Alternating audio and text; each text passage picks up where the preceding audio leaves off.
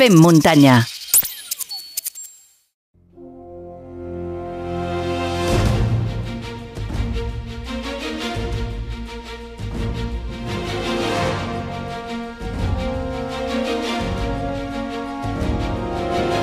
La dona amb la que parlarem eh, durant la propera estona aquí al Fem Muntanya es va posar en contacte amb mi per explicar-me una història que em va semblar super interessant i que em venia de gust eh, doncs, que ella ho expliqués aquí i que no hem parlat mai aquí en el podcast. Avui parlarem de dones i de l'escalada Angel.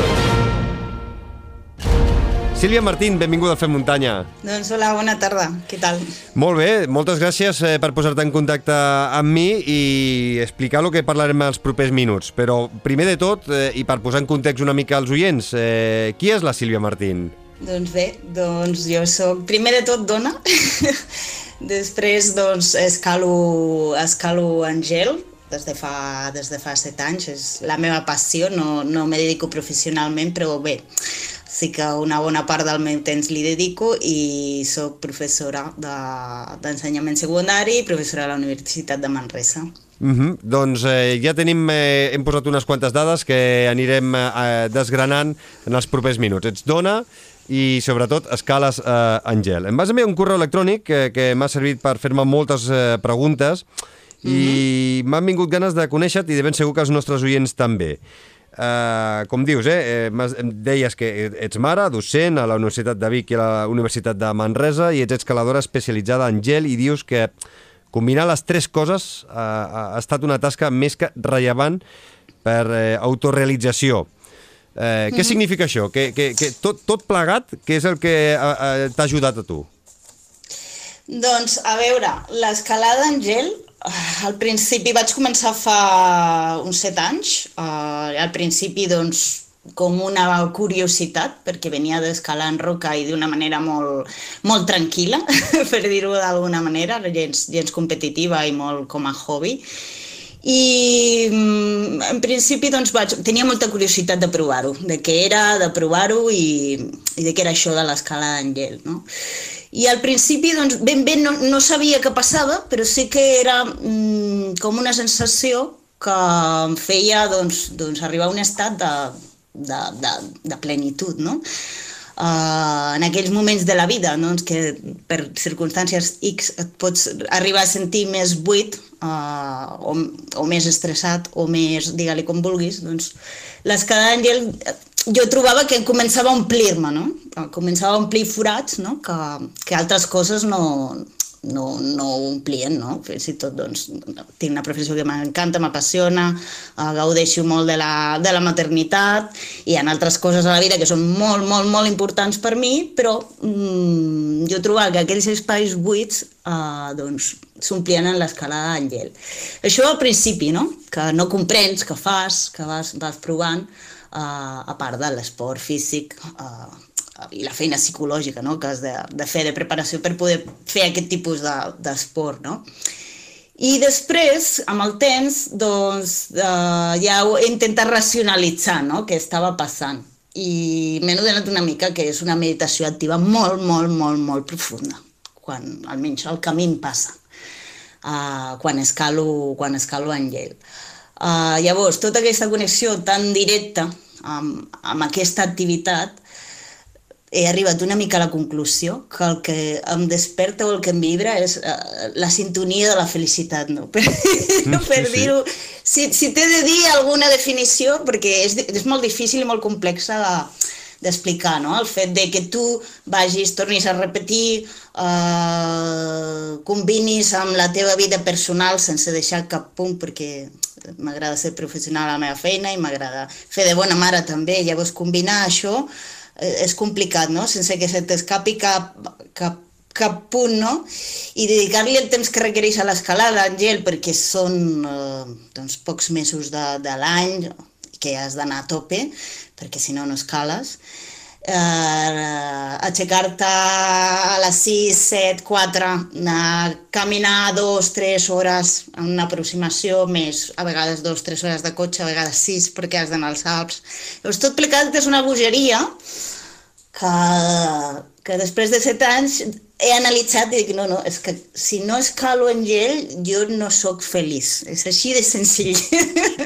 I, i, i, quan, I quan ets més feliç? Quan eh, penses la, la via que vols escalar, quan la prepares, quan estàs eh, es, eh, en, en plena via escalada, eh, quan ja has acabat, que, quin és el moment més àlgid? Tot. Tot? No, no, sa- a mi el moment àlgid comença al desembre, aquest any la temporada va començar una miqueta tard. Mhm. el, vaig, No arribava el fred? Havia, no, arribava el, no arribaven les condicions, perquè a vegades no és, tant, no és el fred, sinó és el, les condicions. Aquest any no tenim aigua. Sí. Llavors, clar, teníem, teníem les cascades amb molta... Sí que va arribar fred, però teníem molta sequera, no? Llavors hem hagut d'esperar doncs, que, que nevi, que la, la, la neu es desfaci, que per fusió se formin algunes de les... Altres no, eh? Altres simplement són que, que ragi aigua d'una font, d'un riu i, i que o d'una cascada d'origen natural i que es geli, no? Aquí només fa falta fred, no? Condició que bufi vent de nord, en alta muntanya, no? Però la temporada va començar tard i el 27 de, de desembre crec que va ser la primera que vaig fer aquí i, i ha acabat, bueno, bueno, encara no la dono per acabada perquè sempre hi ha algun bonus track, però se pot dir que va acabar la setmana passada eh, al Pedraforca, no? Ja en unes condicions bastant pèssimes. Mm. A mi des del dia que comença la temporada, que ja veiem que comença, uh, perquè ja al novembre ja comença a estar nerviós, però quan ja veiem que comença per mi és un estat absolutament meravellós.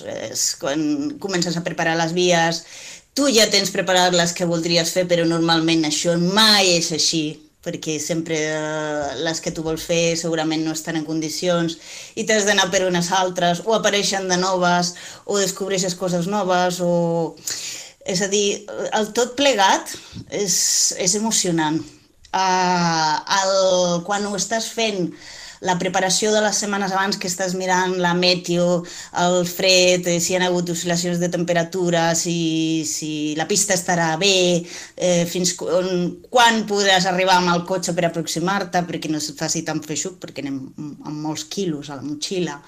Uh, els companys, uh, el vibrar de farem això, uh, l'organització és fantàstica quan l'estàs escalant és meravellós. El moment, sobretot, que, que arribes i que la veus que està formada, perquè a no ser que tinguis uh, informació, um, que vagis a, a, a, tirant, diguéssim, d'informació que t'ha passat algun company o que has vist en alguna piulada o en algun grup, si tu vas a obrir una via o a trobar-te una cosa nova, que és el que, diguéssim, dona com més uh, al·licient aquests últims anys, no?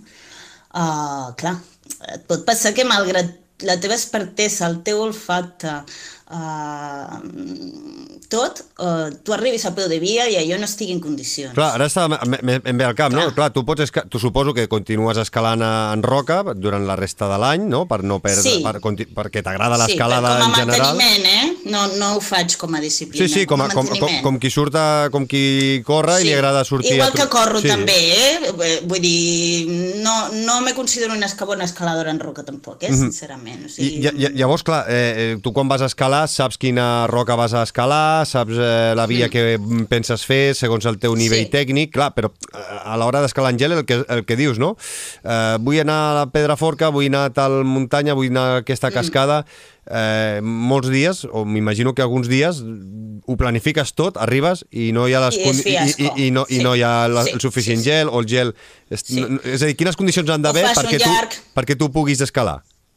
O, o a vegades això fas un llarg i el segon llarg no el pots fer perquè tu veus que la teva vida es posa en perill. Aquí sí que, a dir, vull dir que davant de tot el cap ha d'estar en el seu lloc. Has de tenir, penso que l'has de tenir molt amuntlat. Quines condicions, eh, quines bé. condicions s'han de donar perquè tu puguis eh, escalar una paret, un tros de via eh, amb gel?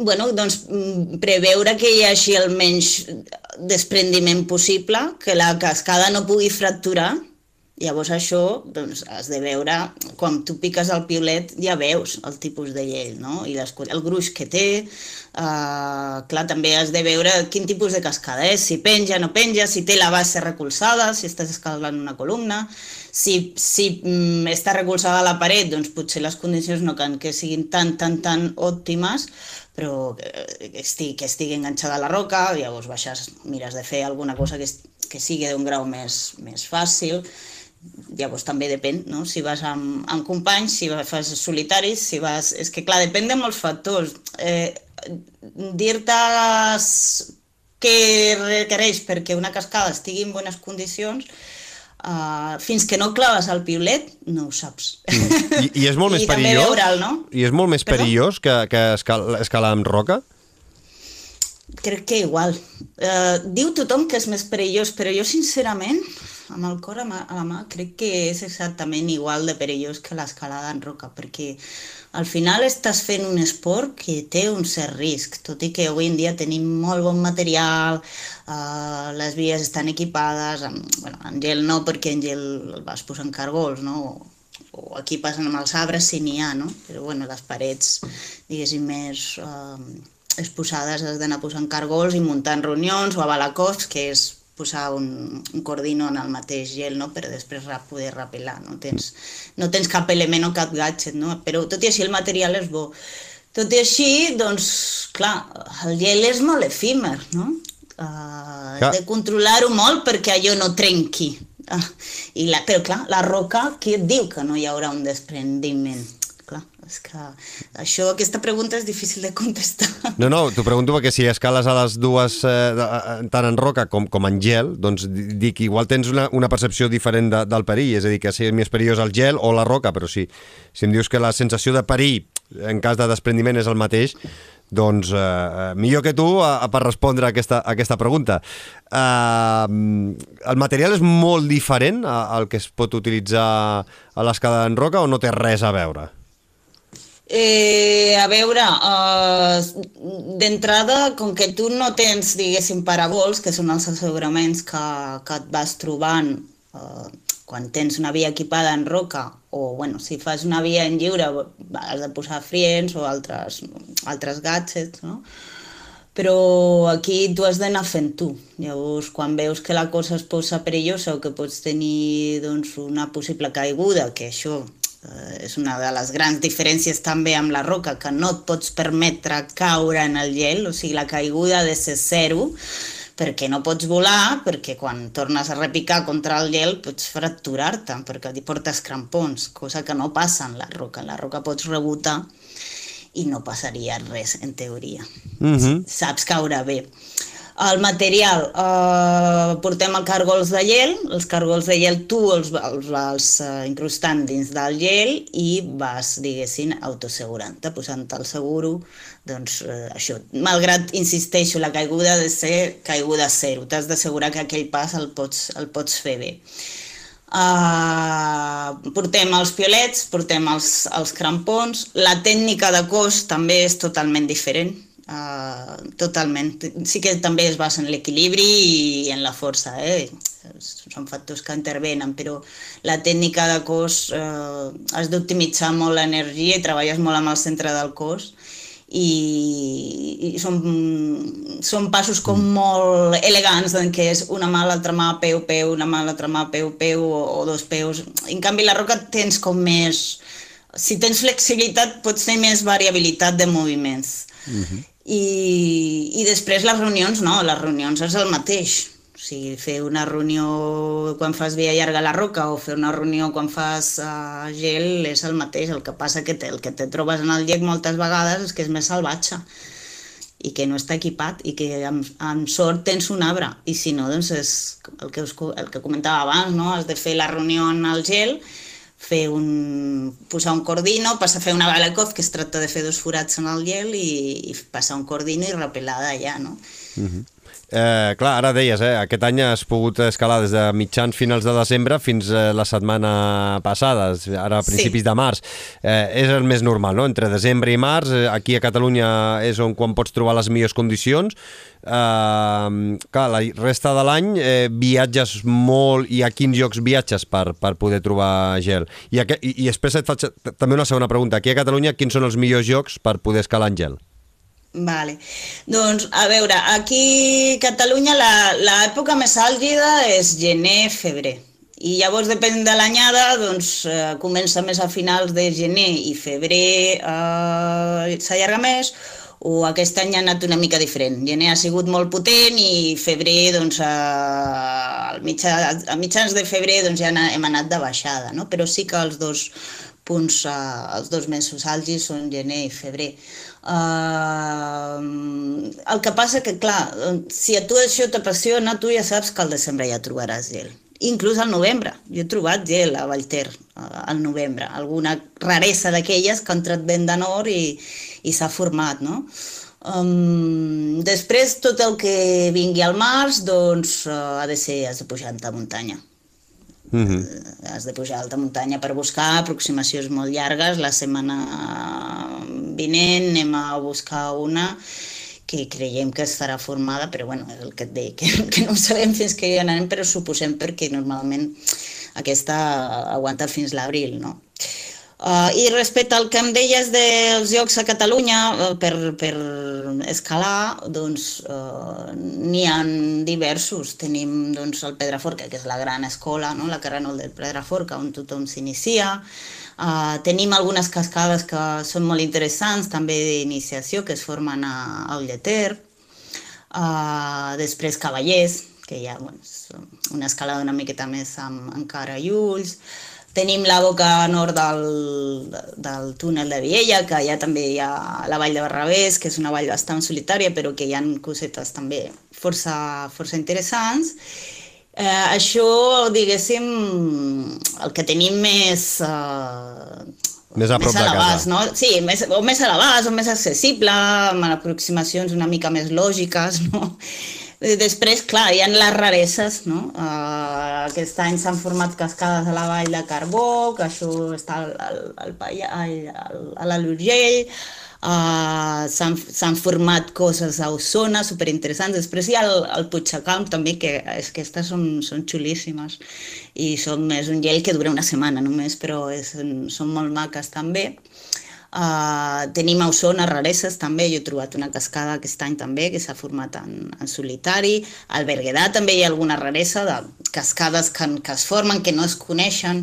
Uh, a Bagà, uh, així parlo de cap, sí, sí. eh? però després tenim, sí, tenim cascades d'aquestes de bosc que són rareses que, que se poden formar, no? Perquè raja aigua de normal i que que clar, els anys que hi ha anticicló i, i temperatures molt baixes, doncs poden durar una setmana però poden sortir, poden sortir cascades interessants. Mm -hmm. Escolta, has patit algun accident alguna vegada escalant en gel o toquem fusta i que això quedi ben lluny? toquem fusta que això quedi ben lluny. No arrisco tampoc, eh? Mm -hmm. Vull dir, vaig a un grau que sé que puc... Uh que, que puc anar bé, tot i així està el factor incertesa o sort, digue-li com vulguis, però mm. no, si una cosa no la veig molt clara em dono la volta i no passa res. He fet uh, aproximació amb bota rígida, que diem, perquè portem aquestes botes rígides, i ja està. Uh, mm. no, no arrisco, no, mm. no he tingut, no he patit cap accident. I, i, I la pregunta que t'havia fet abans, que també ara, ara m'he recordat, eh? I, i clar, fora d'aquests mesos, desembre, març, diguéssim, aquí a Catalunya, uh, la resta de l'any, eh, pots trobar llocs per escalar en gel eh, fora de Catalunya sí. o, o és eh, gairebé impossible, i més eh, amb el no. canvi climàtic? No, n'hi ha llocs per escalar, Uh, que passa que, clar, ja has d'agafar avió. Uh, si vols allargar la temporada, doncs uh, Dolomites està molt bé, uh, Noruega és preciós també, està molt bé per escalar. Això seria allargar la temporada, diguéssim, però d'hivern, eh? estem parlant. Uh -huh. uh, I després, doncs, al Marroc, a l'Atlas, també he escalat al, al principis de, de l'abril, jo, Uh, també hi ha unes cascades que són prou, prou interessants quan no ho diries mai, no?, al Marroc. Sí, sí. I, I ja si ens anem a lo que seria temporada d'estiu aquí, doncs hem de buscar l'hivern en altres països, no? I llavors estem parlant doncs, de Xile, per exemple, a Bolívia, Perú, Uh, estem parlant també doncs, de... Bueno, uh, vaig estar a Islàndia també aquest, uh, aquest estiu passat, tot i que no és la millor època per, per anar a escalar el gel, eh? a l'agost a Islàndia, però clar, hi ha aquelles glaceres i aquests territoris tan enormes, gelats, que alguna cosa sempre rasques. Sempre trobes algú. Eh, clar, perquè clar, hi ha territori que sempre està gelat. Tot i així, a l'agost has d'anar molt de compte perquè hi ha rius subterranis i no, no has d'arriscar, has de fer cosetes doncs, fàcils, el que et deia, no? sense intentant doncs, minimitzar els riscos i buscant doncs, només la sensació de, de passar-ho bé, no? que es tracta d'això. I, I com et va picar per escalar en gel? Perquè si ja escalaves en roca, com, com et va cridar el coquet per dir vull provar el gel, eh, a veure si trobo algú que m'ensenyi, per, perquè la tècnica és diferent, tot és diferent, eh, algú t'ha d'ensenyar. Com, mm. És a dir, com et vas iniciar a, a, dir, a escalar sí. en gel? A veure, jo ja et dic, escalava en roca mm, ja et dic, com el, molt per, per, per plaer, no, molt de tant en tant, ni, ni tenia grau, era jo de molt dominguero, com aquell que diu, i, però sí que em picava molt la curiositat de l'escalada d'Àngel. Llavors, um, amics que tinc que, que són escriptors, que escrivien biografies d'alpinistes, doncs m'havien parlat de l'escalada d'Àngel, i havia quedat allà en el subconscient perquè, clar, a la vida has de fer moltes coses, I, però tenia el coquet de que ho volia provar, de que ho volia provar, i llavors me vaig apuntar a un curs d'alpinisme de, del Club Excursionista de Catalunya i vaig dir... Mm, però només amb el... perquè vaig veure en el programa, en els continguts del curs, hi havia l'escala d'Àngel com a últim diguéssim, ítem, perquè hi havia altres coses que s'aprenien, com nivologia o, o saber-te moure doncs, en la muntanya invernal. I, però i, i un del, dels, dels aspectes del curs era l'esclàngel, i vaig dir, ai, me vaig apuntar no, només per això, eh? Dic, vaig a veure. I no, no, sí, sí. Et va picar. Recordo que era un curs, un curs de diverses sessions i l'última sessió va ser l'escala d'Angell i a partir d'aquí doncs ja evidentment m'he format en guies després a posteriori perquè jo no tenia eh, coneixements i penso també que és important mm -hmm. de, de passar per, per professionals o per, o per, o per entitats que ofereixin diguéssim una formació perquè el gel no és com la roca que a vegades Uh, pots anar amb el, amb el grup de col·legues a tastar a veure què. Jo crec que el, el coneixement tècnic és una de les claus, molt important. I m'he format en guies i després doncs, ja pel meu compte anar fent. Mm -hmm. uh, clar, normalment uh, no escales sola, no, Angel? Sempre has d'anar acompanyat uh, per alguna persona, sí. no? Amb algun company de cordada. Sí. sí. Sí, sempre vaig acompanyada d'algun company, però també des de l'any passat eh, vaig començar a escalar en solitari perquè, perquè em venia de gust, eh? no tenia cap intenció de fer cap fita ni, ni fer-me veure, eh? com aquell que diu, ah, vaig a fer solitari per fer-la més grossa i a veure, o sigui, no era aquesta la intenció. O sigui, l'any passat va morir la meva àvia i vaig passar-ho, ser un procés interior bastant bastant complicat, caòtic i, sí. i complicat, no? Quan se't mor una persona que realment t'importa molt. I no volia posar, no em veia en, en capacitat de posar en perill a cap company i no em veia en, amb el cap clar per poder, per poder escalar amb ningú. Llavors, vaig dir, bueno, perquè tenia ganes també de sortir, no? I, i dic, faré ressalts de gel, coses molt fàcils de tercer grau, a vegades rius gelats, anar seguint el riu, fent ressalts i a veure què passa. No? Si no puc seguir, doncs, bueno, cap a casa i ja està, no? I amb aquesta tonteria vaig començar a escalar en solitari, que no havia escalat mai. I ara aquest any doncs, m'he trobat que, clar, sí que he fet coses més complicades en, en companys perquè no les pots fer sola, evidentment, però que després també he sortit en solitari perquè m'ha agradat mm, a un nivell més baix, però dic, ui, no, no, sí, sí, vull dir, aquesta parcel·la l'obtenir i com a escaladora de gel la vull conservar. I quan vas acompanyada, eh, normalment són homes o també et trobes alguna dona que escali en gel? Doncs aquí és la part, diguéssim, difícil i la tasca que jo porto aquests últims dos anys eh, intentant fer, que és eh, eh, convèncer les dones de que escalem entre nosaltres, perquè aquí a Catalunya encara que que sembli una cosa normal, no? diguéssim, de que avui en dia doncs, tothom pot practicar qualsevol tipus d'esport, hem fet un abans, no passa res, doncs plantejar-se una cordada femenina que era encara és una cosa que no s'accepta amb molta obertura per, per, per, per, per part de tothom, eh? no, no, per part d'homes i per part de dones. Llavors, escalo amb homes, escalo amb homes perquè no, no trobo companya de cordada. Bueno, I fe, això fem una crida, fa molta no? ràbia. Fe, fe, fem una crida aquí des del Fem Muntanya. Si alguna noia, alguna Fem Muntanyera que, que ens escolti i, i vulgui fer una acordada amb la Sílvia, doncs que ens enviï un correu electrònic a femmuntanya.femmuntanya.cat i li passarem a la Sílvia i, bueno, aquest any ja anem tard, però sí que de cara a l'any vinent doncs, eh, o a l'estiu, si, fem, si feu alguna acordada o marxeu de vacances a Xile o a la, a la Patagònia, doncs eh, fer alguna acordada plegades. Això estaria bé i poder-ho compartir, que mira, escolta, que el Fem Muntanya uneixi dones escaladores a, a, en gel. Eh, notes que cada vegada, per culpa del canvi climàtic, eh, costa més eh, que es formin aquestes cascades, aquestes vies, o de moment, amb aquests set anys, no, no, no ho has percebut? Sobretot aquest any. Aquest any... Ha costat, aquest any sí que ha costat. La manca d'aigua ha sigut horrible. Ha sigut... Um, uh, sí, tot i que ha sigut bona temporada, eh?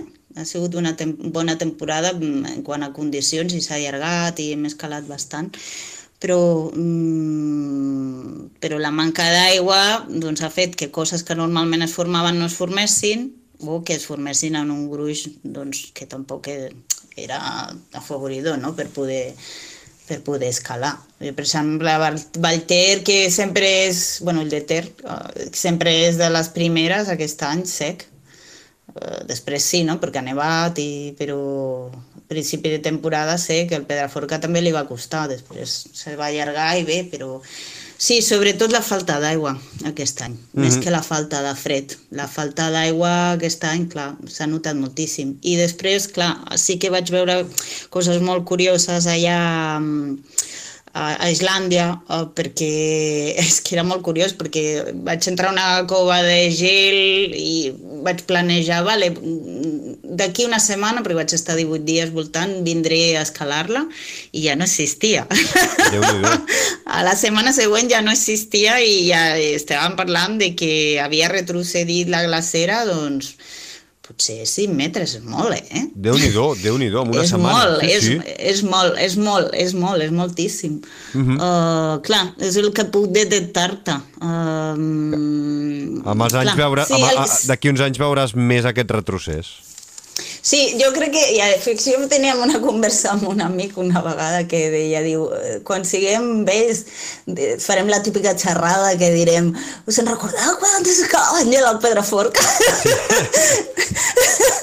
Sí, segur. perquè, eh, segur, perquè, i, i el Pedraforca és escola d'escalada en gel, o sigui, vull dir que és el lloc on va tothom, però clar, jo aquest any ja he vist que no estava la cosa, he anat dues, dues vegades al Pedraforca, però no estava la cosa com normalment com normalment estava. Mm -hmm. Sí, Perquè sí. sí, hi ha hagut gel, hi ha hagut gel. Clar, aquest any és l'any que més s'ha notat, amb, Mhm. amb això, amb respecte al tema del canvi climàtic. Mhm. Suposo que, i espero que, que, que ho puguem millorar, però clar, això tampoc no sé si ja anem tard és, o no, és, lent i, i és tard. El que passa que Sí. s'ha de fer coses perquè si no la Sí. cosa anirà pitjor sempre. Uh, Sí. Sílvia, uh, vaig acabant. Crec que estàs treballant no? en un projecte a nivell internacional recopilant Sí. biografies de dones escaladores Sí. en gel. Sí, En què consisteix sí, sí. aquest projecte exactament? Doncs aquest projecte és, és un projecte mm, en el qual jo vull posar en valor el fet de que la dona escali en gel. Ho vull posar en valor també perquè se puguin mirar ja les dones de Catalunya, però és una manera molt bonica de relacionar-nos doncs, totes les dones del món que escalen en gel i és un projecte que va començar fa tres anys però que hem hagut de canviar el bitllet d'avió dues vegades per la pandèmia perquè no podíem sortir del país. I l'any passat tampoc ho teníem clar, perquè anàvem a Xile i a l'agost i, i, i estava la cosa que fins a l'últim moment no, no, no estava clar el tema de les obertures que tenia el país per poder-te moure amb llibertat, perquè clar, ja que vas t'has de moure en llibertat. Aquest any te puc dir que sí, que, que, que el projecte doncs, tira endavant i els dos primers països que, que visitarem seran Xile i Iran en el qual doncs, sí que hem fet un, una feina prèvia d'investigació i d'entrevistes a les persones amb les quals escalarem i a les persones amb les quals obrirem vies allà, que són, que són dones, uh, dels dos països. O sigui que s'ha estat treballant aquests tres anys, el que passa que a un altre nivell i online, evidentment, perquè no hem pogut fer la visita. La idea també és enregistrar un, un audiovisual, d'aquí mm -hmm. que surti un audiovisual és la idea. Mm -hmm. et, et, sorprèn, et sorprèn que hi hagi tan poca dona escaladora en gel o, o, o ho veus normal, no sé, és a dir, no sé si li dones, eh, creus que hi ha molts motius per la qual hi ha, a les dones els hi costi no? atrevir-se a fer aquest esport, que, que des de, pels que no ho practiquem veiem potser que hi ha molt de risc i, i potser un cop t'hi poses i tens les tècniques i el coneixement, potser no, és, no, no té tant de risc. Mm. Sí, exactament. Jo crec que un dels factors és aquest. I, i crec que també doncs, un cert, un cert, falta com una mica de xarxa i un cert recolzament entre nosaltres, no? Això fa dos anys també que es dinamitza un grup de dones aquí, no?, a Catalunya, catalanes, però és que eh, escalen en gel però sempre de segones i sempre en un home, no? La, la gran majoria, evidentment estic generalitzant, no voldria pas que... que perquè, sempre, clar, hi ha dones que també van de primeres i hi ha dones que, que, que fan moltes coses, no? I que viatgen i que obren vies i, i hi ha de tot, no? Però la gran majoria que trobes és allò, llavors és aquesta, diguéssim, marca potser de confiança en nosaltres mateixes, no? Eh, tot i així, la resta de països jo veig que la cosa està diferent. És que fins i tot a Iran hi ha una escola de dones d'escalada en gel, és molt curiós, per això és un dels països que, que forma part del projecte d'investigació perquè, uh, perquè és molt curiós no? que hi hagi una escola d'escalada en gel de dones. I, i, és, és interessant. I amb la teva informació, amb la teva experiència, quin diries que és el país que més dones aporta a l'escalada en gel? No, no, no ho sé, ho tens, encara no, no, te, no, no te podria, potser Xile, però no te podria, no te podria encara fer una, una afirmació. Uh, mm -hmm. França, déu nhi també, eh? En França... És, hi ha tradició, hi ha tradició. Hi ha tradició, te trobes, vas a, la, a peu de via i et trobes dues dones escalant. Aquí no. Aquí sempre és home i dona i la dona de segona, és lo general que et trobes. Uh, no ho sé, jo crec que fa falta una mica d'autoconfiança um, i també, doncs, difusió, no? De, el que dius tu, no, no és tan perillós, pot haver difusió, si tenim una revista al país que, que està especialitzada en parlar en esports de muntanya i, i la part, diguéssim, d'alpinisme escriu una dona, doncs s'ha de parlar també de dones. I tant. I tant. no d'homes perquè facin setens o, o, o, o vuitens o, o hagin obert una via a, a, a no sé, a, a Canadà o saps què vull dir? S'ha de parlar sí, sí. de dones perquè les dones si fan un tercer grau fan un tercer grau però també és important. I això, oh, si tu fas una classe de literatura i no parles de Montserrat Roig o d'Irene Soler, és un pecat, perquè has de parlar d'elles igual que parles dels autors catalans. I has de parlar el 50% d'homes i de dones. Llavors penso que també la difusió uh, és important. És important que, que que es parli de dones que fan aquestes coses, tot i que el que fan, evidentment, doncs, a nivell de grau, perquè som mares o perquè físicament no tenim la mateixa força d'un home, perquè biològicament som diferents, això és una sí, sí. realitat, doncs eh, fem un grau inferior i ja està, no passa res, però també fem coses importants, s'han obert vies aquí a Catalunya. Um, no sé, mm -hmm. llavors això també s'ha de saber. Pues, eh, deixem que eh, eh, digui no, pel, pels oients eh, que aquesta temporada la Sílvia no, has obert quatre noves vies d'escalada en gel, dues a Catalunya en solitari i dos a l'Ariège, no, a França sí. eh, que, i que ets la primera dona, com a mínim, que, que estigui notificat, que obre les vies, que, que obre vies de, de gel en, a, a Catalunya. Hmm. Sí, m'ha fet molta il·lusió perquè era el que te comentava al principi, que tu quan comença la temporada no saps el que vols fer. I sí que planifiques, vull fer aquesta via, vull... però després acabes fent una cosa totalment diferent a la que tu pensaves que havies de fer. Uh, jo no pensava pas que obriria vies aquest any, perquè sí que l'any passat anava una miqueta amb la intenció de buscar algun ressalt, per posar-la al nom de la meva àvia, per fer un homenatge personal, etc etc. però aquest any, de veritat, no, no anava amb, amb pas amb cap intenció d'això. Uh, una la tenia mig vista, és una via romàntic, totalment romàntica perquè són 10 metres, és aquí al Moianès, clar, que hi hagi gel al Moianès, que és on visc, per mi ha estat el subidon. Trobar aquella cascada va ser de uh!